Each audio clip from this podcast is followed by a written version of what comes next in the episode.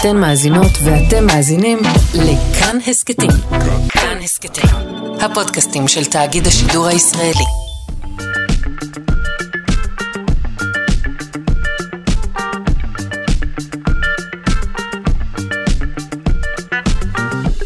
שלושה שיודעים. בוקר טוב, מאזיני שלושה שיודעים. אה, מה הקשר בין התכונות שלכם אה, לבין מידת שביעות הרצון שלכם מהחיים?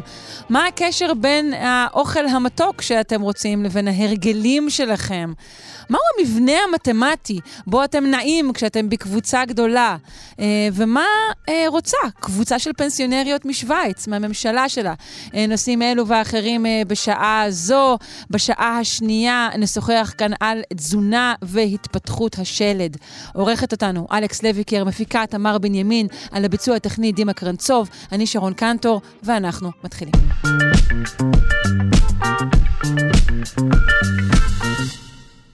נגיד בוקר טוב לדוקטור יונת אשחר, מומחית להתנהגות בעלי חיים ובכללם בני אדם, ממכון דוידסון לחינוך מדעי. היי, מה העניינים?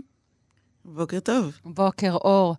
Uh, אנחנו רוצות uh, בשיחה זו לאשש את מה שנדמה כמעט כמובן מאליו, שיש קשר בין uh, תכונות האישיות שלנו, הספציפיות, למידת אה, שביעות הרצון שלנו מהחיים, אבל יש כאן איזשהו טוויסט ודגש חשוב. כלומר, נכון, זה לא שסתם אנחנו אומרים, היי, אם אתה פשוט בן אדם נחמד וחייכן, אתה גם תהיה מבסוט. זה לא זה. Uh, לא, הדגש כאן הוא באמת על הקשר בין זה ובין uh, תקופת החיים, שבעצם מראים שזה נשאר די יציב. לאורך כל החיים שלנו. כלומר, מה שמיוחד במחקר הזה הוא שהוא בודק את רמת שביעות הרצון של אנשים בעלי תכונות אופי מסוימות לאורך כל חייהם. אה, הוא בדק אנשים בגילאים שונים, לאורך 11 mm-hmm. שנים בינתיים, כן. כמובן המחקר, המחקר ממשיך. כן. באמת התמקדו בין, אה, והיו להם אה, כמה אלפי אנשים, המאגר המקורי הוא יותר מ-9,000 אנשים, כולם מהולנד. אה, כן, שהיו בני 16 ל-95, בין גיל 16 לגיל 95. Mm-hmm. אה, רובם ככה בין 20 ל-70, אבל אה, היו גם אפילו יותר זקנים ויותר צעירים.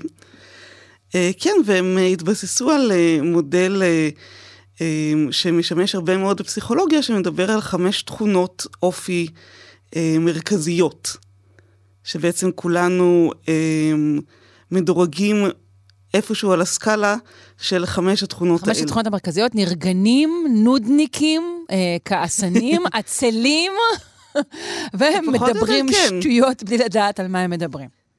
כן. אמ, אה, לא, לא מאוד רחוק. אוקיי. מה הן חמש התכונות האלה? אז החמש התכונות האלה אמ, זה אמ, מוחצנות ומופנמות, מה שנקרא extrovert ו introvert. Mm, זאת אומרת, כמה אתה... אה, האנרגיות שלך הם בחוץ, אתה אוהב להיות מסמר המסיבה, אתה אוהב תשומת לב של אנשים. זהו, האם המוחצן הוא בהכרח... זהו, המוחצן הוא בהכרח מוחצן לכיוון עליז? לא יכול להיות כאילו מוחצן נרגן? אה, אני חושבת שכן, אבל אז הוא ירצה שיהיו הרבה אנשים מסביבו שיהיו נרגנים יחד איתו. אני יכולה לחשוב על כמה אנשים כאלה. אבל זה, okay. אוקיי. שוב, זה באמת, זה רק סקאלה אחת, okay. ויש כאילו, אוקיי, okay, אז מה, אלו עוד, אלו עוד תכונות? אז יש משהו שאולי יותר קרוב לעניין של הנרגן, שזה תכונה של נעימות. אז uh, בעצם עד כמה אתה uh, סימפטי לאנשים אחרים, uh, uh, יש לך אמפתיה לאנשים אחרים, אתה רוצה לשתף פעולה איתם, אתה מתחשב באנשים אחרים, או שרק uh, uh, אכפת לך מעצמך פחות או יותר. נעימות זו תכונה אה, אוקיי, כן, כי זה נראה כמו מה שאומרים כאילו על האחר, אבל אולי כל התכונות הן כאלו, רק אומרים אותן על האחר? זאת אומרת, נכון? הוא אדם נעים, האם זה אומר שהוא באמת אדם כן. נעים? אוקיי, אבל כנראה שהרבה מהתכונות הן כאלו, לפחות תכונות מהסוג כן, הזה. זה, זה נקרא, זה, זה שם נחמד באנגלית, נקרא agreeableness. agreeableness, כן. זה מישהו לגמרי. שהוא agreeable. שנוח להסכים איתו, שנוח כן, איתו. שנוח כן. איתו. שהוא גם מסכים איתך ומשתף איתך פעולה ורוצה לשמוע מה דעתך. כן, הבן אדם הזה שרוצים אה, בצוות שלך בעבודה, תמיד, כן. כן. ואם כבר אנחנו מדברים על עבודה, התכונה הבאה נמצאה כקשורה מאוד לסיפוק מעבודה במחקר החדש. אה, וזו תכונה שנקראת מצפוניות. אה, זה גם יכול להיות אמינות, אה, בניגוד ל- לרשלנות. אה, אז מצפוניות זה מישהו שהוא מוכן לעבודה קשה, הוא לא מפחד מעבודה קשה, הוא רוצה לקחת אחריות, הוא יודע להתמקד במטרה. הוא הוגן. בניגוד למישהו ש- שעצלן וכל הזמן דוחה דברים, מהמם. ולא לוקח, לא לוקח אחריות על שום דבר. אז uh, באופן לא מפתיע, מה שהמחקר הראה זה שמי שיש לו, מי שקיבל דירוג גבוה במבחנים שהם עשו למצפוניות, אז הוא גם uh, בעצם uh, הראה הרבה מאוד סיפוק מעבודה. השאלה היא אבל אם זה מנבא, מצפוניות דווקא מנבאת שביעות רצון עקרונית מהחיים, כי אפשר אה, להגיד ש, שגם ההפך, כשאתה מאוד מצפוני וכל הזמן דואג ש, שאתה לפחות כן, תהיה סבבה לך- ותהיה הוגן, אתה גם אה, עלול להתאכזב מכך שאחרים אה, אינם כאלו. אחרים לא עומדים בציפיות כן, שלך בסטנדרטים מעצמך, הגבוהים ו- האלו. כן, בסטנדרטים הגבוהים, נכון? אז זה באמת אה, הראה לא סיפוק מהחיים באופן כללי, אלא ספציפית אה, אה, סיפוק מעבודה. שזה יכול להיות גם הרבה כאילו אינטראקציה בין הדברים. זאת אומרת, אם אתה לוקח אחריות, אז גם בעבודה ייתנו לך אחריות וייתנו לך תפקידים אולי יותר בכירים, אולי יותר מעניינים. אה, זאת אומרת, יש פה משהו שזה זה אחד משפיע על השני. כן. ואז אתה תהיה יותר מרוצה מהעבודה שלך, כי העבודה שלך יותר מעניינת. אה, בעוד שאם אה, אתה לא לוקח אחריות ואתה דוחה דברים ואתה עצלן, אז אולי יפטרו אותך מהעבודה ותצטרך להסתפק בעבודה פחות טובה. תלוי כמה אתה מבריק. אה, יש פה... יכול להיות עצלן כן, ומבריק. זה תמיד אמ, נכון. תגידי, אה, עד כמה הבדלי הגיל ה- רגע, שציינת... הבאה כן, שהיא... סליחה. שהיא מאוד אה, אה, חשובה לסיפוק באופן כללי, גם סיפוק מהחיים, סיפוק מעבודה, סיפוק מחיי חברה. אה, בעצם הדבר, הקשר שנמצא הכי קרוב זה אה, מה שנקרא יציבות רגשית מול נוירוטיות. אז בעצם אה, בני אדם שהם, זה, זה הדבר אולי הכי לא מפתיע בכל המחקר הזה. אה, מישהו רגוע ולא נמצא בחרדות, יותר מרוצה מהחיים שלו. וואו, וואלה. טוב. כן, זה, זה לא, לא נורא טוב מפתיע. שיש מחקר. מעניין כמה תקציב שמו עליו. אה, כן, זה, זה זה, מובן. זה הקשר הכי חזק. מה ששאלת לה, בעניין של הגיל, אז uh, מביא אותי דווקא לדבר השלישי שהם בדקו, שזה סיפוק מחיי חברה, שהם חשבו שאולי למשל הקטע הזה של uh, להיות מופנם ומוחצן, יהיה חשוב יותר בגילאים uh, uh, צעירים יותר, כשאתה בעצם מגיע למקומות חדשים, ואתה צריך כאילו לעשות חברים. בעצם להכיר אנשים חדשים ולפתח חברויות, אז יותר חשוב אה, בעצם אה, מי שיהיה לו, מישהו יותר אה, אה, מוחצן, אז הוא יהיה יותר, אה, יהיה לו יותר אה, סיפוק מחיי החברה שלו. נכון, הגיוני. אה, ובגילאים מבוגרים יותר זה כבר יהיה פחות חשוב. אה, אבל הם מצאו שלא, הקשר הזה נשאר במשך כל החיים. וגם באמת, אם יש שינוי, אם אתה נהיה יותר מוחצן, אז הסיפוק שלך מחיי החברה שלך גדל, אתה נהיה יותר מופנם, הסיפוק שלך מחיי החברה שלך יורד. זה הכל אה, נשאר טוב, זה, זה, גם, החיים. זה גם במסגרת ההגיוני, אם תהיה מופנם, הסיפוק שלך כן. מחיי החברה שלך בהחלט ירד.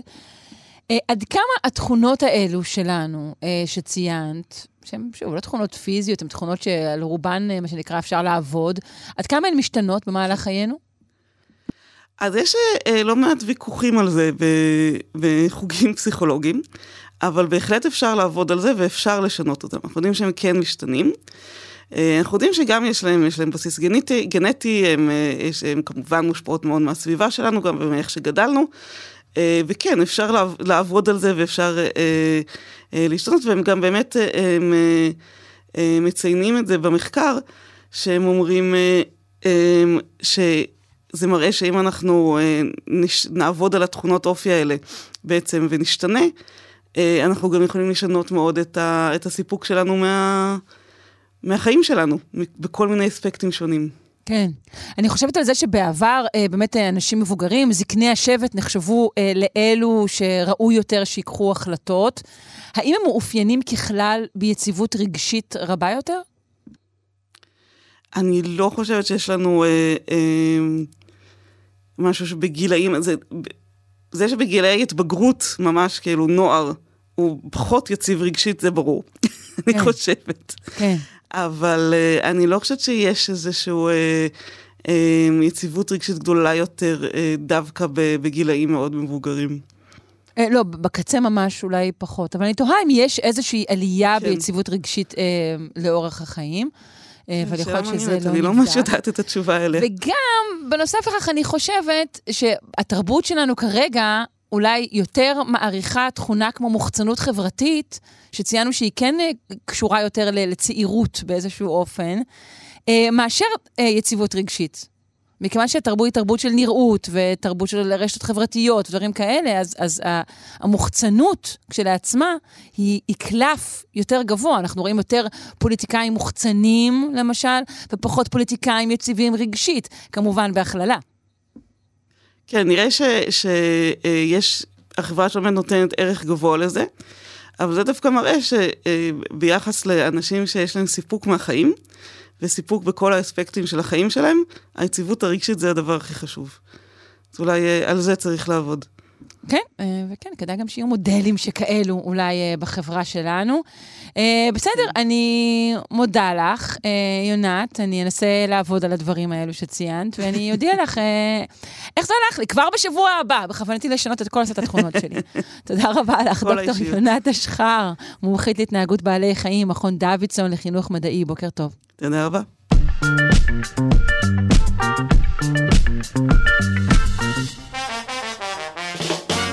שאל את הילד הכת שיצא עם אבי ברחוב לטייל מתוק לו מתוק לו ולו רק בגלל אותה סוכריה על מקל שימו לב, השיר הזה אומר את הדבר, מתוק לו בגלל אותה סוכריה על מקל. האם אנחנו אוכלים את מה שאנחנו אוהבים, או אוהבים את מה שאנחנו אוכלים? האם נולדנו עם העדפה למתוק ולמאכלים שהם גם עתירי שומן, או שזה משהו שאנחנו מתרגלים אליו? נפנה לפרופסור אורן פרוי, מנהל בית הספר למדעי התזונה באוניברסיטה העברית ברחובות, לתשובות לשאלות אלו. שלום. שלום, שלום. אני מניחה אה, שרבים מאזיננו מכירים את התחושה שפשוט בא להם משהו, והמשהו הזה על פי רוב יהיה משהו מתוק. אה, מאיפה התחושה הזו מגיעה אלינו? אה, קודם כל זה משהו שהוא אה, חשוב לנו מבחינה אנרגטית, כלומר אנרגיה מתחברת כמובן לסוכר, אה, אנרגיה אפילו עוד יותר גדולה לשומן, אם אנחנו שורפים שומן אנחנו מקבלים עוד הרבה יותר אנרגיה. אה, וזה משהו שמבחינה אבולוציונית התפתחנו אה, לתעדף את הדברים האלה שנותנים לנו אנרגיה ומאפשרים לנו את השרידות.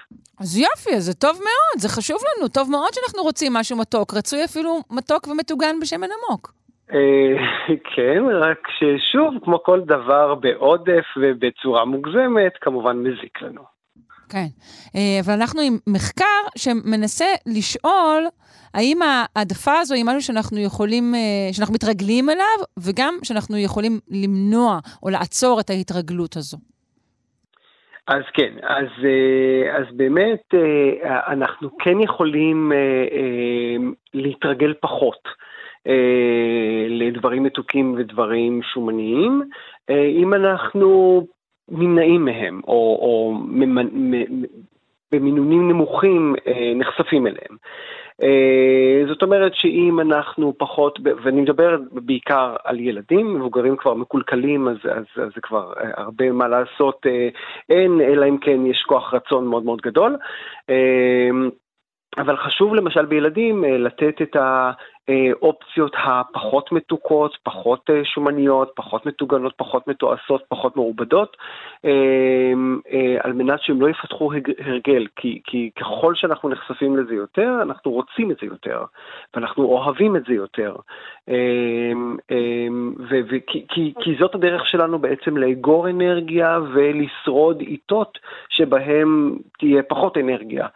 רק שבזמננו העיתות האלה לא כל כך מגיעים בצורה, מגיעות בצורה אה, אה, דחופה יותר כמו בעבר, ולכן אנחנו אה, מפתחים השמנה, מחלות אה, שקשורות ל...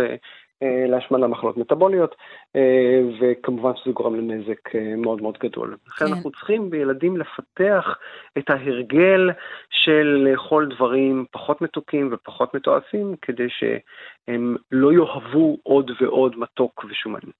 ושומן. התניות והרגלים, אפשר, אני חושבת, אפשר אתה יודע, לקשר לכל דבר, כל הרגל וכל התניה אפשר uh, לרכוש. השאלה היא האם בשומן וסוכר יש משהו שהוא ממכר יותר. כן. אה, שזאת אחת הבעיות. אה, מה שאנחנו רואים אה, במחקרים רבים זה שאוכל הוא סוג של התמכרות. אנחנו גם, גם מכירים את זה, כלומר, אנחנו, אנחנו אומרים, אני מכור לאוכל, אני מכור לזה, אני...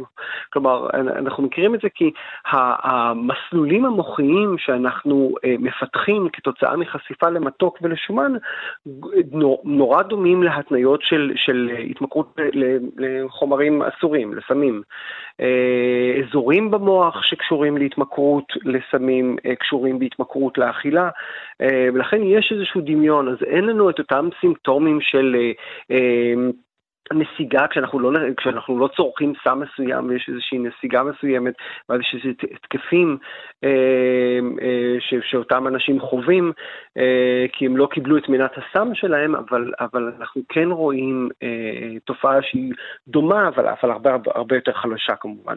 אה, ולכן התופעות המוחיות שאנחנו רואים בהתמכרות אה, לחומרים אחרים נורא דומה למה שאנחנו רואים באוכל. מעניין מאוד. וכאן במחקר הזה אה, באמת אה, עקבו אחרי אה, נבדקים תוך כדי סריקה של המוח שלהם, וממש ראו את התגובות למזונות עתירי שומן וסוכר. כן, כן, עשו FMRI מה שנקרא, שזה MRI פונקציונלי בעצם, שרואה איזה אזורים במוח פעילים אה, כאשר אנחנו נחשפים במקרה הזה למזון, אבל יכול להיות גם למוזיקה או לכל מה שאנחנו רואים איזה אזורים פעילים במוח. Mm-hmm. ושוב, אותם אזורים זה אזורים שהם, שהם משתתפים גם באזורים של התמכרויות. אה, וככל שאנחנו נחשפים יותר לשומן ולסוכר, אנחנו מפעילים את האזורים האלה יותר, יש יותר הפרשת דופמין, מה שגורם לנו להנאה יותר, לרצון לאותן פעילויות וכולי. כלומר, אם אני עכשיו אפתח לי איזושהי אה, אה, פעילות מסוימת שקשורה באוכל, למשל, אם אה, אה, תיפתח אה, חנות ל... לא יודע מה, לממתקים אה, אצלי אה, בשכונה, ואני כל יום אעבור, ואני כל יום אקנה לי עוד איזשהו משהו מתוק מאותה חנות, אני כל הזמן ארצה כלומר, ההתנהל, ההתנהגות הזאת תהפוך אצלי לאיזושהי מין התניה כזאת שכדאי לי לעשות את זה ואני רוצה עוד לעשות את זה לי, ואני כל הזמן אחשוב שאני צריך לעשות את זה ואני אעשה את זה יותר ויותר רק בגלל שהתחלתי לעשות את זה.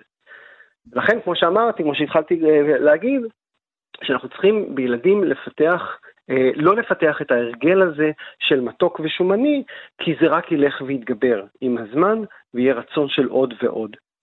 כלומר, ייתכן שאפילו משהו שנראה אה, אה, תמים ונחמד, פתחו איזו פיצוצייה או מיני מרקט ליד בית הספר לפתע, וכל הילדים מתגודדים שם כל יום אחרי הלימודים כדי אה, לקנות אה, קרטיב או משהו, אפילו משהו כזה יכול ליצור אה, איזשהו הרגל.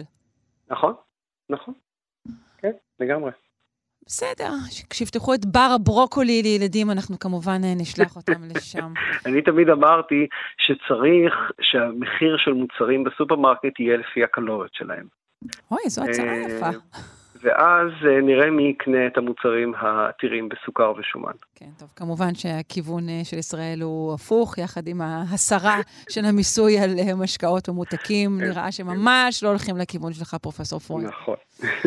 טוב, אני מודה לך על השיחה, פרופ' אורן פרוי, מנהל בית הספר למדעי התזונה, האוניברסיטה העברית ברחובות. שלום. תודה רבה, ביי. בחשבון זה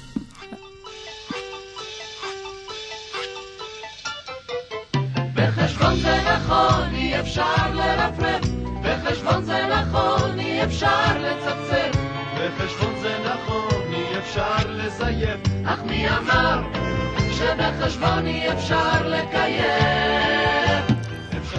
אתם נוסעים בתחבורה ציבורית, אתם אה, הולכים להפגנות, אתם הולכים להופעות, בפארק. מה שנראה לכם כמו בלגן אנושי, הוא למעשה, מסתבר, די מסודר. אנחנו רוצים לשוחח על הסדר המתמטי בתוך uh, מה שנדמה ככאוס של קהל צפוף. עם האחד והיחיד, מיכאל גורודין, ממכון דוידסון, הזרוע החינוכית של מכון ויצמן למדע. הלו. שלום, כן, שוב המתמטיקה נחלצת לעזרתנו ומראה לנו שיש סדר ו- ו- ו- ויד מכוונת בחיים הכאוטיים שלנו, והיא כמובן המתמטיקה. כן, כמובן. אה, אז בוא, אני, אני, שוב, אנחנו מסת- מסתכלים גם על חיי היומיום שלנו, וגם על אירועים אה, באמת קשים. אני נזכרת כמובן, נגיד, באסון מירון, שהוא באמת אסון שקרה כתוצאה אה, מ... אי התפנות סדירה במצב של צפיפות, אה, והיו גם עוד כמובן אסונות כאלה של, של קהל גדול. אה, מה המתמטיקה רואה כשהיא רואה אה, קהל כזה? אז באמת מדובר במחקר יחסית אה, חדש שעשו שני חוקרים, והוא דן במצבים של צפיפות, אבל כשיש תנועה. זאת אומרת, כשיש, אה, אם, אם יש המון אנשים, והם כולם רוצים להגיע מנקודה א' לנקודה ב', זה מצב יחסית פשוט. אם המסדרון מספיק רחב, ואם הפתחים מספיק רחבים, אז הם ינועו להם, ויגיעו, אולי יותר מהר, אולי יותר לאט. כן, אוקיי. כמובן שהם גם כן נעצרים מתישהו, כי מתישהו חלק, החלק הראשון מגיע לנקודה ב' ואלו שמאחוריו צריכים להתגודד. ולא להמשיך לדחוף לא, אנחנו- את האנשים. אבל אנחנו מניחים שזאת אומרת שהם נגיד איזשהו מעבר או איזשהו מסדרון שהם אוקיי. רוצים לעבור בו, זה, זה, זה, זה פחות בעייתי. אוקיי. מתי מתחילה להיווצר בעיה? כשיש שני זרמים של אנשים. אחד רוצה אה, להגיע מצפון לדרום, והשני ממזרח למערב. אחד רוצה לעבור במסדרון מהמטבח ל- לשירותים, וקבוצת מטיילים שנייה בדיוק אה, הולכת אה, מ- מ- מחדר התצפית אל אה, חדר ההסבה. כלומר, שני כיוונים, אה, אך לא מנוגדים זה לזה, אלא חוצים זה את זה. או מנוגדים או חוצים. אז זה מה שהם אה, בדקו, גם אוקיי. במקרה של כיוונים מנוגדים, גם אם הם הולכים אחד מול השני, וגם אם הם באים משני כיוונים, אה, משני כיוונים שונים. אוקיי. אה, ומה ש... ואז הם עשו שני דברים. מצד אחד הם פיתחו איזשהו מודל אה, מתמטי, והם הסתכלו גם על תצפיות. יש המון, אה, עם מצלמות, אה, אפשר לעשות ניתוח ממוחשב של איך אנשים מתנהגים. אז קודם כל, בתצפית הם שמו לב לתופעה מעניינת. שבמקרים כאלה אנשים נוהגים גם כשאין שום יד מכוונת, כשאין שלטים, כשאף אחד לא אומר שורו לימין, אנשים נוהגים אה, להסתדר בשורות, תורים או קווים אה, לפעמים מעוקלים, אבל שנעים ככה במקביל אה, זה לזה, ברוחב יחסית קבוע, רוחב של אה, אה, שני בני אדם.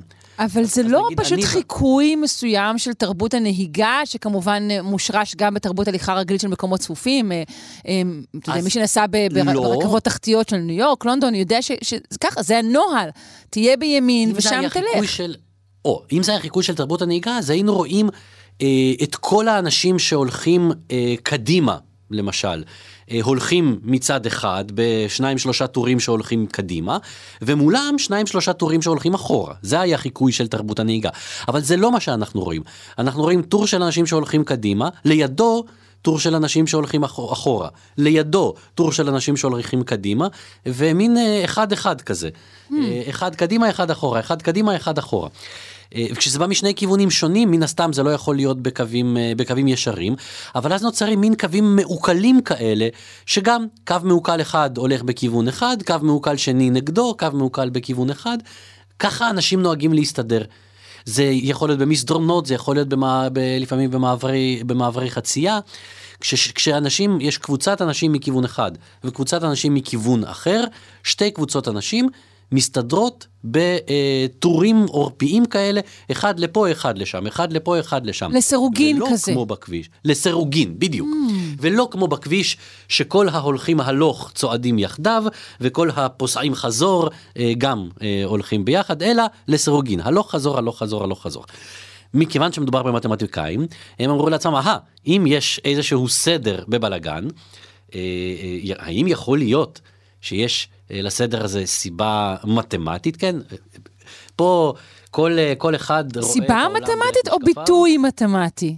סיבה, הם חיפשו סיבה. מתמטיקאים, זה לפעמים הבדל בין מתמטיקאים למדענים אחרים. אה, מתמטיקאים לא מסתפקים ב בואו נמצא פונקציה שמתארת את מה שאנחנו רואים, אלא מתמטיקאים תמיד מחפשים את העיקרון המארגן שמאחורי הדברים. אם הדברים מסתדרים בכאלה קווים יפים, צריכה להיות לזה סיבה. וביולוגים יחפשו סיבה אולי ביולוגית, אה, וילכו ל- ל-DNA או משהו כזה. אנתרופולוגים יחפשו סיבה. תרבותית, ומתמטיקאים כן. יחפשו את וה- הס- שני- את ושני הסיבה. המתמטיקאים שלנו חיפשו. שמה, ומצאו- שהיא היעילה ביותר? מה מה מהות אז- התשובה הזו? אז את הפתרון הם מצאו בתחום מתמטי שנקרא תורת ההפרעות. אה, שולי תוכנית הרדיו הזאת צרים מכדי להסביר את כל המתמטיקה ה... אה, לא פשוטה שמעורבת כאן, אבל מה שהתורה הזאת עוסקת בו, היא שואלת שאלות של מה קורה כשיש לי בעיה מסובכת, אבל היא נמצאת ליד, היא, היא, היא נוצרת באיזשהו מובן מהפרעה מסובכת למשהו פשוט. אה, למשל, דוגמה מאוד, אה, מאוד פשוטה לזה, אם אני רוצה לזרוק אה, אה, אה, כדור או לגלגל כדור על הרצפה. ואני רוצה להביא בחשבון את כל הכל הכל הכל, את החיכוך של הרצפה ואת הרוח הקלה שנושבת ואת הצ'ופצ'יקים של הכדור שהוא הרי לא כדור מושב, אני רוצה להביא בחשבון את הכל. אז זאת הופכת להיות בעיה מאוד מאוד מסובכת. מורכבת מאוד. אבל, כן. אבל היא בעצם כל מיני הפרעות שמתלבשות על בעיה מאוד מאוד פשוטה, שהפתרון שלה הוא פשוט להתגלגל בקו ישר. ו... זו תורת אה, עצימת העין של המתמטיקה? במובן, במובן מסוים. והיא נותנת אה, מין אה, מרווח קירוב, היא נותנת טווחים של פתרונות שיכולים להתקבל. אז היא לא תגיד, הכדור ינוע בדיוק כך, אבל היא תיתן איזשהו טווח אה, מחיה שבו ההפרעות יכולות אה, אה, אה, להתקיים. Mm.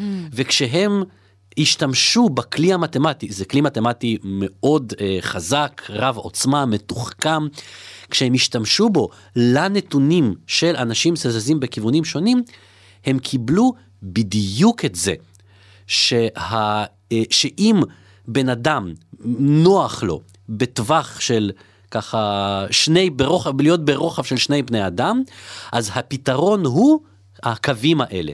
הקווים האלה נוצרים בצורה מתמטית מתוך האילוץ ש, אה, שאנחנו מקבלים. הם נוצרים מתוך ו... בעצם הכרה בלתי מודעת שלנו בכך שאם אנחנו משקללים שוב פנימה את ההפרעות הצפויות, זהו הדבר היעיל והטוב ביותר? אז אה, זה, זאת, זאת כבר שאלה לא למתמטיקאים, כן? זה קורה הרבה פעמים בטבע, שכמו שלא יודע מה, בועות סבון, פתאום אה, אנחנו רואים שהן מסתדרות בצורה היעילה ביותר. איך זה קורה? מהו אותו מנגנון שיודע לחשב את, ה, את הדבר האפקטיבי הזה, אנחנו לא יודעים. אבל מה שהמתמטיקה, מה שהמתמטיקה יודעת להגיד, הוא שזה לא צירוף מקרים.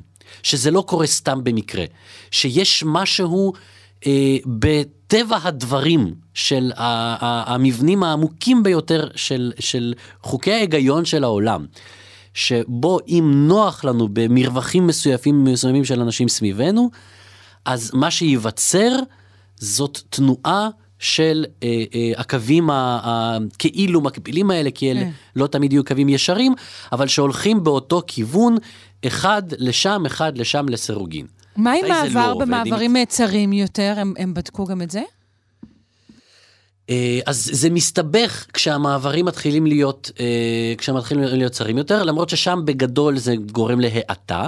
זה מסתבך אבל באמת, אה, ושם המודל מתפרק לחלוטין, ובאמת כשבדקו, אם התחלנו עם מקרים פחות נעימים של כן. אסונות וכאלה, אז זה מתפרק באמת לא כשהמסדרון נהיה צר יותר, כי אז פשוט אנשים הולכים לאט יותר, אלא זה מתפרק ברגע שיש שלושה או ארבעה כיווני הליכה. Mm. ברגע שנכנסים לאותו חלל אנשים מיותר משני כיוונים שונים, אז אין, אה, אה, הפתרון המתמטי הנוח הזה הוא לא קיים, אין פתרון מתמטי יציב. ואז מתחילים להיווצר גושים ומתחילה להיווצר צפיפות ולפי ההסבר הזה, היא נוצרת לא כי יש הרבה אנשים, כי אם הרבה האנשים האלה היו מגיעים משני כיוונים שונים, במקום משלושה, הם היו מסתדרים. הצפיפות והדחק והמחנק נוצר כי הם באים משלושה כיוונים ואין דרך טבעית להסתדר וללכת. כלומר, גם כאן אה, כדאי להיעזר במתמטיקאים כדי אה, לתכנן את חיינו. בסדר תמיד, גמור. תמיד, תמיד, תמיד כדאי לשאול מתמטיקאי. זה כמו שכדאי שיהיה חבר רופא וחבר, וחברה עורכת דין במשפחה מעכשיו, חפשו גם חבר מתמטיקאי. מיכאל גורדין, ממכון דוידסון, הזרוע החינוכית של מכון ויצמן למדע, תודה רבה לך. בשמחה.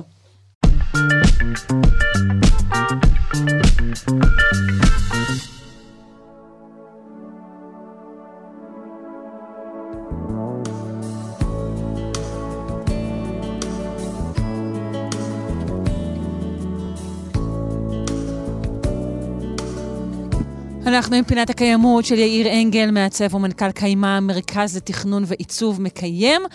והיום אנחנו עם uh, תביעה, uh, תביעה ייצוגית מעניינת מאוד, של קבוצה של פנסיונריות משוויץ, uh, שהגישה uh, לאחרונה את התביעה הזו לבית המשפט העליון של האיחוד האירופי. התביעה הזו היא נגד הממשלה שלהן, ממשלת שוויץ. והסיבה? פגיעה בזכויות האדם שלהן לנוכח כישלונה של הממשלה, לטענתן, לטפל כראוי במשבר האקלים, ולנוכח העובדה שהן, כנשים מבוגרות, נפגעות אה, עיקריות מהמשבר הזה. אה, עם כל הפרטים, כאמור, יאיר אנגל, אהלן. אהלן, מה שלומך? בטוב. יופי. אז uh, כמו שסיפרת, uh, ואחרי יותר משש שנים של קרבות משפטיים של נשים נגד ממשלת שווייץ, הם ניסו את זה בהתחלה כמובן בבתי המשפט בשווייץ, הם uh, החליטו לפנות, קבוצה ש... שהם פנו לפני כשבועיים, היו בה יותר מאלפיים נשים. וואו. הם בעצם פנו והיה כבר שימוע לממשלת שווייץ בבית המשפט הבינלאומי. אמ, זה, זה בעצם, בית המשפט הזה הוא נקרא בית, המש... בית הדין האירופאי לזכויות אדם, הוא ממוקם בשטרסבורג, אה, והוא הוקם בעקבות האמנה האירופית לזכויות אדם, שהמטרה שלה להשגיח על היישום של האמנה הזאת בכל 47 אה, המדינות שאשררו את האמנה. Mm-hmm. 47 מדינות חברות במועצת אירופה, והמדינות החברות הן בעצם אה, רשאיות להגיש באופן אינדיבידואלי תלונות נגד מדינות חברות בעניין הפרת זכויות. וזה מה שהם בעצם עשו, הם, אה, תובעות את המדינה שלהם אה, בטענה שהמדיניות של ממשלת שווייץ בנושא שינוי האקלים מפרה את זכותם לחיים ולבריאות. וזאת בעצם הפעם הראשונה שבית הדין האירופי לזכויות אדם יידון ב... דן והתחיל בתהליך השימוע בתיק על השפעות שינוי האקלים על זכויות אדם. עכשיו... אה, שזה דבר מאוד מעניין ומאוד עקרוני, כלומר, השאלה הזו אה, של האחריות של ממשלות על אה, דברים כאלה שהם לכאורה, אני שוב מדגישה לכאורה, אה, חמקמקים.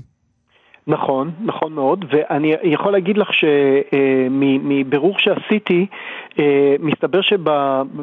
זה, זה גרר כבר הגשה של עוד שתי אה, אה, תביעות או שימועים לבית המשפט הזה בנושא של אה, שינויי אקלים. כלומר, זה מתחיל להיות איזשהו, אה, איזשהו משהו שפתח את הדרך לדון בזה. עכשיו, בקשר לשוויץ עצמה, אז קודם כל הטמפרטורות הממוצעות בשוויץ עולות מהר יותר מהממוצע העולמי ויש יותר ויותר גלי חום. ואני מקווה שזה נשמע מאוד מוכר למאזינות ולמאזינים שלנו, מכיוון שממש לא מזמן דיברנו פה בפינה על... על, אה, על זה שרשות החירום הלאומית של ישראל במשרד הביטחון ושירות המטאורולוגי פרסמו לראשונה תרחיש ייחוס לאומי לגלי חום קיצוניים שצפויים בקיץ בגלל החמרת אה, תופעות מזג אוויר, בגלל, ה, בגלל משבר האקלים. זאת אומרת, אותו דבר קורה אצלנו.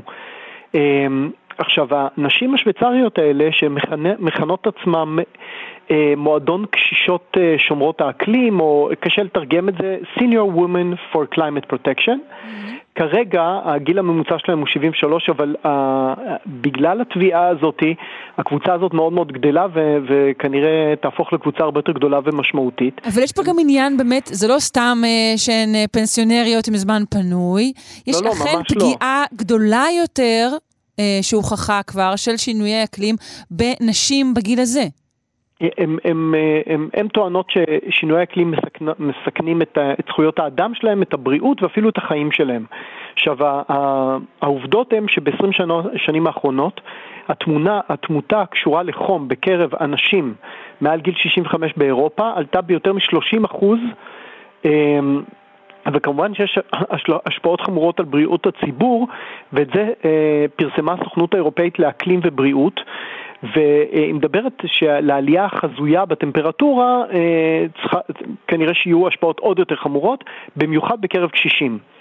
עכשיו, אה, צריך להגיד שחלק מהראיות שהם הביאו לשימוע בבית המשפט בשטרסבורג, הם הביאו את התיעודים הרפואיים שלהם. כלומר, הם באו עם הוכחות שזה כבר פוגע בהם.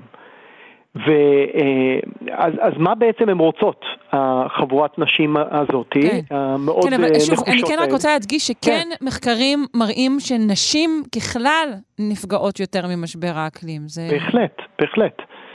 אה, ובגלל זה יש להם דרישה, אה, דרישה ספציפית בתור קבוצה של נשים, כן. והן מבקשות שבית המשפט לזכויות אדם יורה לשוויץ לעבוד קשה יותר על מנת להפחית את פליטת גזי החממה ובבלימת שינויי האקלים. והעלאת המוכנות להתמודדות עם משבר, המשבר ההולך. אני, יש לי פה ציטוט מעניין של אה, אליזבת סטרן, שהיא צוטטה ב-BBC, אה, שהיא אחת ממנהלות הקמפיין שלהם, והיא אמרה שבגלל שינויי האקלים יש לנו יותר גלי חום, ונשים מבוגרות סובלות יותר. הן מתות בתדירות גבוהה יותר במהלך מהלך גלי החום האלו, ממה שהן היו מתות בדרך אחרת. יש אנשים שאומרים, למה את מתלוננת, את ממילא הולכת למות, אבל אנחנו לא רוצות למות רק בגלל שהממשלה שלנו לא הצליחה להמציא וליישם מדיניות אקלים מוצלחת. אוי לנו בכלל מטיעונים כאלה של כן. מה את מתלוננת, במילא הולכת למות. אה, מזכיר לי בדיוק, כל מיני אה, דיונים אה, שדעתי הייתה מאוד לא נוחה להם במהלך הקורונה, לגבי אנשים שהם בכל מקרה פגיעים, אז מה הם בכלל מבקשים משהו?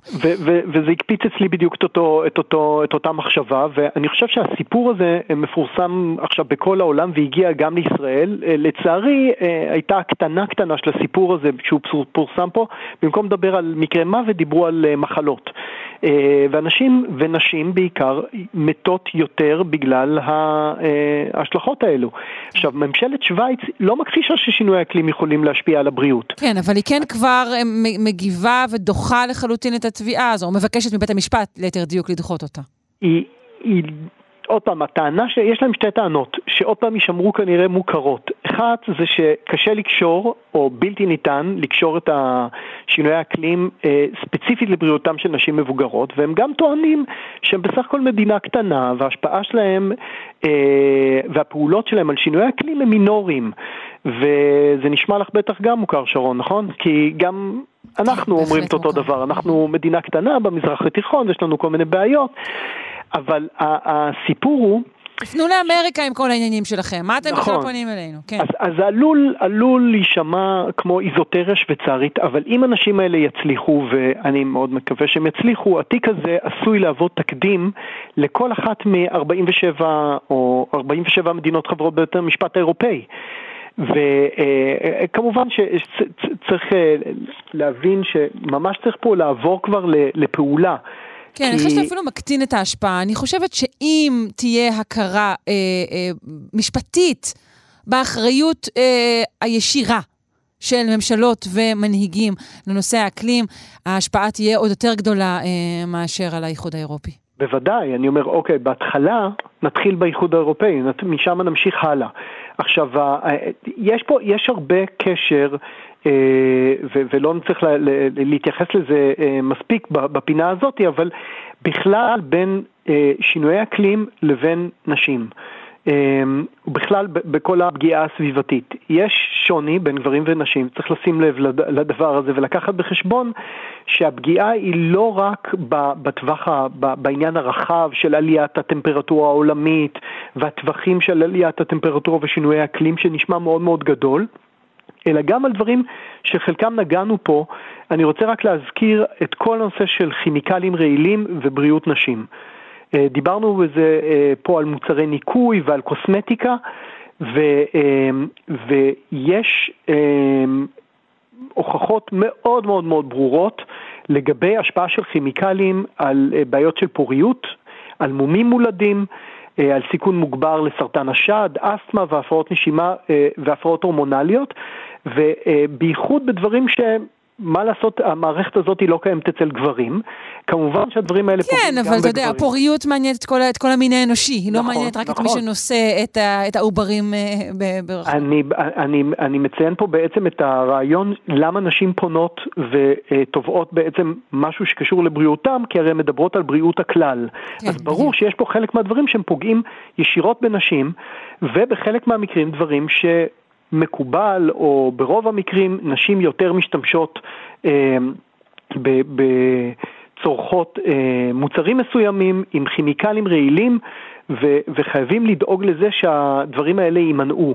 זה חלק מה- מהטיפול של ממשלות, חקיקה אה, נגד אה, הכנסה של כימיקלים רעילים בחומרי, אה, אה, בחומרים ובחומרים בשימוש של נשים ואנשים, חייב להיות חלק מהחוק. אצלנו זה לא ממש קורה, וזה גם מסתבר שאפילו בשוויץ, שמובילה מאוד מאוד בעולם בחקיקה סביבתית, זה לא קורה מספיק. כן. ולכן הדרישות האלה הן מאוד מאוד מוצדקות, ובאמת ההשפעה הזאת שנשמעת כמו עוד פעם איזה מהלך יחסית קטן, יש להם סיכוי לעשות שינוי מאוד מאוד גדול. נכון, ולמי שאומר, או, נשים האלה בשוויץ, צריך לציין שהסיבה שנשים ככלל נפגעות יותר עם משבר האקלים, מעבר לכל מה שציינת, היא שהן ברובם uh, עדיין עניות יותר מגברים, ובעולם השלישי אנחנו רואים אותן uh, נפגעות מכל מיני ביטויים של משבר האקלים, משיטפונות למשל. ודברים כאלו. אז נקווה מאוד שכן תהיה כאן פריצת דרך. יאיר אנגל, אני מודה מאוד לך שהבאת לנו את הסיפור הזה. להתראות. תודה, בהצלחה.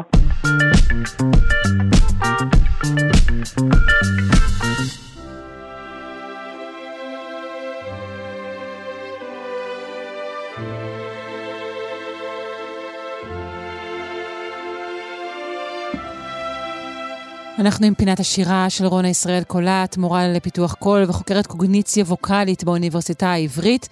אנחנו בין אה, ימי זיכרון, ואנחנו רוצות לשוחח היום על אה, שירים שהם אה, לזכר, נכון? נכון.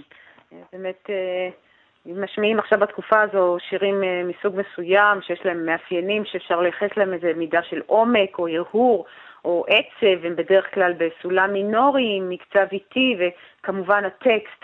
אבל בזכות המאזין הקבוע אה, צפריר, אז אני, הוא העלה את הרעיון ואני באמת מאמצת אותו, אז אני מייחדת את הפינה לשירים שמוקדשים בכותרת לאדם ספציפי אה, שנפל mm-hmm. במלחמה או נרצח mm-hmm. בפעולת טרור, ו, ולכן זה מוקדש לשירים שהשם של האדם מופיע בכותרת. ובאמת אה, יש הרבה כאלה, לצערנו, אבל uh, כמובן בחרתי כמה שירים שלכל אחד מהם מספר איזשהו סיפור אישי, אבל הוא מלמד גם על משהו יותר כללי. ובאמת אני מודה כאן לאתר זה מרשת, כי משם לקחתי הרבה מידע, והשיר הראשון הוא דודו, והוא נכתב על ידי חיים חפר והולחן על ידי אלכסנדר אוריה בוסקוביץ', ונשמע כאן את הביצוע של אריק איינשטיין. הערב יורד עלי אופק בוער רוחות בצמרת הרטיטו, ואנו סביב למדורה נספר על איש הפלמח ושמו דודו. אז זו באמת בלדה שמתארת את דודו היפה, ובאמת מספר, הוא, הוא מתאר אותו, הוא מוקף בנות, הוא סוחב תרנגולים מהלול, הוא... הוא האידיאל, אידיאל הצברי של התקופה. כן, נכון, נכון. אה, הוא הלוחם הרגיש, אבל הוא באמת, הוא לא חזר. וזה באמת היה אחד משירי השכול הישראלי הראשונים, והרבה הורים שכולים הזדהו עם השיר, בעיקר עם אלה ש, אה, ששם אהובם היה דודו, וחיים חפר עצמו, הוא טען שהוא כתב את השיר לפני מלחמת העצמאות, אה, כשהוא כתב את זה לחבר שלו, דוד, צ'רק... דודו צ'רקסקי, אבל בעודו בחייו. אז אה, הוא נהרג, דוד צ'רק... אה, דודו צ'רקסקי, במלחמת העצמאות, אז זו נבואה שחורה אה, לכתוב את זה על מישהו שחי, אבל כמו שנראה, יש כמה וכמה שירים כאלה. ובעקבות נפילתו של דודו, השיר הפך לסמל, ויותר משהוא מנציח אדם פרטי, הוא גם מנציח דור, את אה, דור הפלמ"ח. אה, והשיר הבא, הוא נכתב עוד קודם לכן, והוא מנציח לוחם מהבריגדה, את אורי. אה, וזה באמת שיר שיש לו סוד, כי זה לא באמת אורי. אז בואי נשמע את השיר הזה שנכתבו, אה, רפאל, שנכתב על ידי רפאל קלצ'קין ויששכר מירון. ולמאמא לחצתני אליך מה מוזר במדי הצבא? צל יגון הפיל את עיניך, לי לחשת חזקי אהובה. אז כל זאת כמובן יפה ירקוני, והסוד הוא שלה. השיר הוא נכתב לזכרו של, לא של אורי, אלא של יוסי גוסטין, שהיה חייל בבריגדה היהודית, והוא היה בעלה הראשון של יפה ירקוני. ורפאל קלצ'קין, הכותבים, הם כתבו את זה לזכרו. ויפה ירקוני נישאה מחדש, והעובדה שהיא הייתה אלמנה נשארה בסוד. אז לא ברור לי אם אורי היה הכינוי של יוסי גוסטין, או שהם כתבו לשיר שהיא תוכל לבטא את הקינה לזכרו של בעלה מבלי לגלות את הסוד. אמ, אז אחרי מותו של בעלה השני, היא עצמה באמת ייחסה את השיר אורי לזכרו של בעלה אה, אה, יוסי גוסטין, ודווקא הסוד שסביב השיר הזה הוא, הוא מעודד לגלות עוד על האדם המונצח, אה, כי למעשה הוא, זה, הוא גם מתחבא מאחורי שם שהוא לא שלו, אבל דווקא הסוד הזה, או לפחות עודד אותי לקרוא יותר על יוסי גוסטין עצמו. כן. אבל אז, אז באמת הסיפור נמצא ברשת והוא ש... באמת מרגש. הוא היה חייל בריגדה והוא נפל ב- באיטליה. נכון, נכון. ב-1945. הם, הם היו נשואים שבעה חודשים בלבד. Oh. ואחרי זה באמת היא נישאה מחדש. זה באמת... היא, היא כותבת שם, את לא, היא שרה את המילים שהם, שהם נתנו לה, ובאמת לשמוע את ה... שהיא לא חזרת אהוב שלי, הוא באמת, היא כנראה הייתה צריכה להרחיק את עצמה, אה, להרחיק את עצמה מה, מהאירוע האישי, והם עזרו לה, אבל כמובן שזה מדובר על אדם ספציפי. אה, והשיר הבא באמת, הוא נכתב והוקדש לבן אדם, אה, ברור למי הוא הקדש, אין כאן סוד, זה לליאור יונתן, על ידי אביו, נתן יונתן, אבל הוא נכתב באמת, עוד פעם, כשיר האהבה של אב לבן כשהוא היה בן ארבע, ורק אחרי שהוא נפל בגיל 21 במלחמת יום כיפור, אז הוא הולחן על ידי שלמה ארצי והוא קיבל משמעות של גשר בין מה שניתן לתאר ומה שבלתי ניתן לתאר. אבל כל הרבדים האלה, עם ההלחנה באמת יפהפייה של שלמה ארצי, ובמיוחד הביצוע המינורי הזה שלו שאנחנו נשמע, אז הם יוצרים שיר שערך ההנצחה הוא שזור בערך האמנותי שלו. וזה איכשהו מעלה את השאלה אם חשוב שהשיר המנציח יהיה שיר טוב, כי אחרת אולי באמת מועלים בתפקיד, כי שיר יפה פחות אולי הוא לא ייזכר, וככה אולי מוחקים את זה. כל שיר חשוב שיהיה שיר טוב. נכון, אבל במיוחד אם את רוצה להנציח מישהו, כי אחרת... טוב, נשמע כמה שירים כאלה גם. אה, אז בואי נשמע את השיר הזה, את השיר ליאור.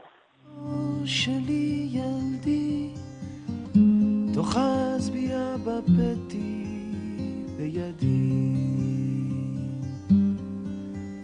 בצעדים כבדים ורועדים, אלך איתך הבתים. תיקח לי אור שתי זרועותיי תיקח, חיבקוך את היית ילד רך, ואם לאו מעט הם לא תשכח, הן עוד ידיים אוהבות כל כך, אם לבדך תלך בערב סתיו, עמך יצא שירי כרוח שערך הזהבה, הוא ילטף באהבה של אב. אז באמת, אה, זה אחד השירים היפים ביותר זה יפהפה, אני ממש. אני גם מאוד אוהבת לא, את כל הפן הזה של שלמה ארצי, שפחות נוכח, שזה רק אה, שלמה ארצי עם גיטרה קלאסית. אני תמיד אוהבת לשמוע את זה. כן, פשוט אה, באמת שיר יפה. וכמו שאת אומרת, כל שיר באמת צריך להיות יפה, אבל הרובדים שזה טוען, ההיסטוריה או המאורעות, הם, כשהם טוענים את השיר בכל כך הרבה רבדים, אז את, אה, את מקבלת עוד איזשהו ערך אה, של ההנצחה, אה, שהוא מעבר, אני חושבת, למה שהשיר עצמו היה לולא המאורעות עצמם. אבל השיר הבא הוא, הוא נכתב אה, על טוליק, וגם הוא נכתב בעודו בחייו. הוא אה, נכתב על תובל גבירצמן, שהיה מ"פ בשריון שנפל בשלום הגליל, וכילד הוא היה חבר של הבן של רמה סמסונוב, שהייתה זמרת, והיא זכרה איזושהי סצנה שעליה היא כתבה את השיר על, על טוליק הילד. והוא הולחן על ידי נפתלי אלתר והתפרסם שש שנים לפני שטוליק נפל, אז, אה, ואנחנו שומעים את זה בשיר עצמו.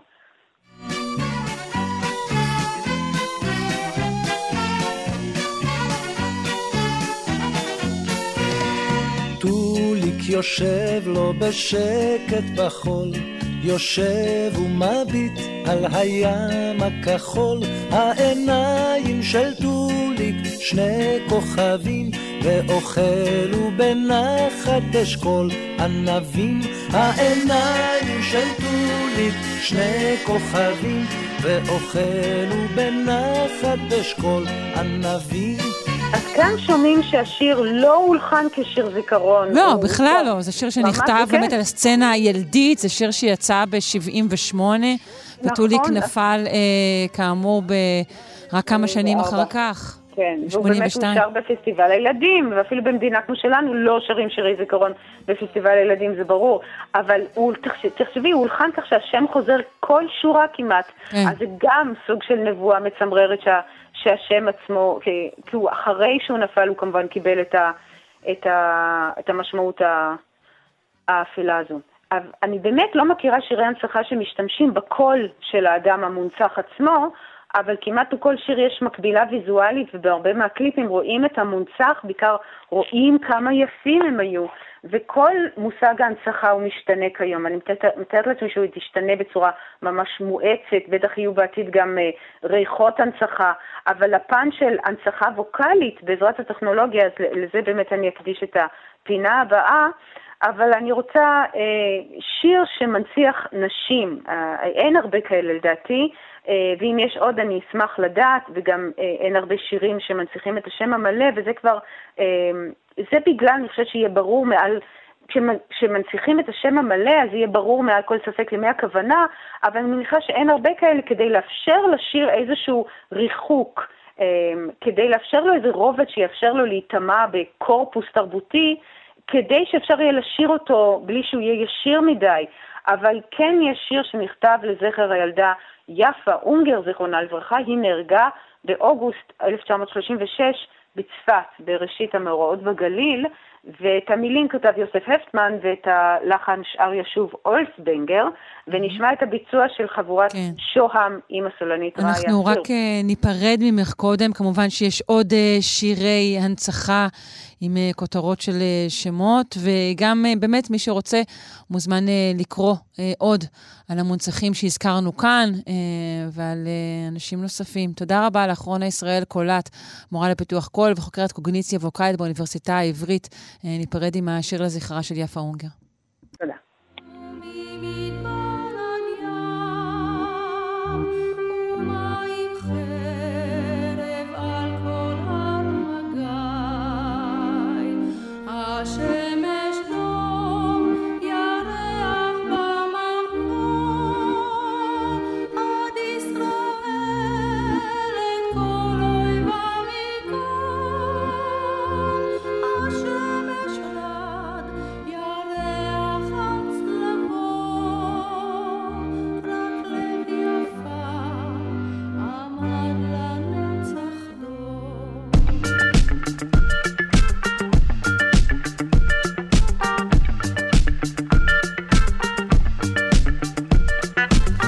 עד כאן השעה הראשונה שלנו, שלושה שיודעים. בשעה השנייה נשוחח כאן לאורך כל השעה על תזונה והתפתחות השלד עם הפרופסור אפרת מונסונגו אורנן. אה, אז אתם מוזמנים להישאר איתנו. עורכת אלכס לויקר, מפיקה תמר בנימין, אל הביצוע הטכני דימה קרנצוב. אני שרון קנטור, מחכה לכם אחרי החדשות. אתן מאזינות ואתם מאזינים לכאן הסכתים. כאן הסכתים, הפודקאסטים של תאגיד השידור הישראלי.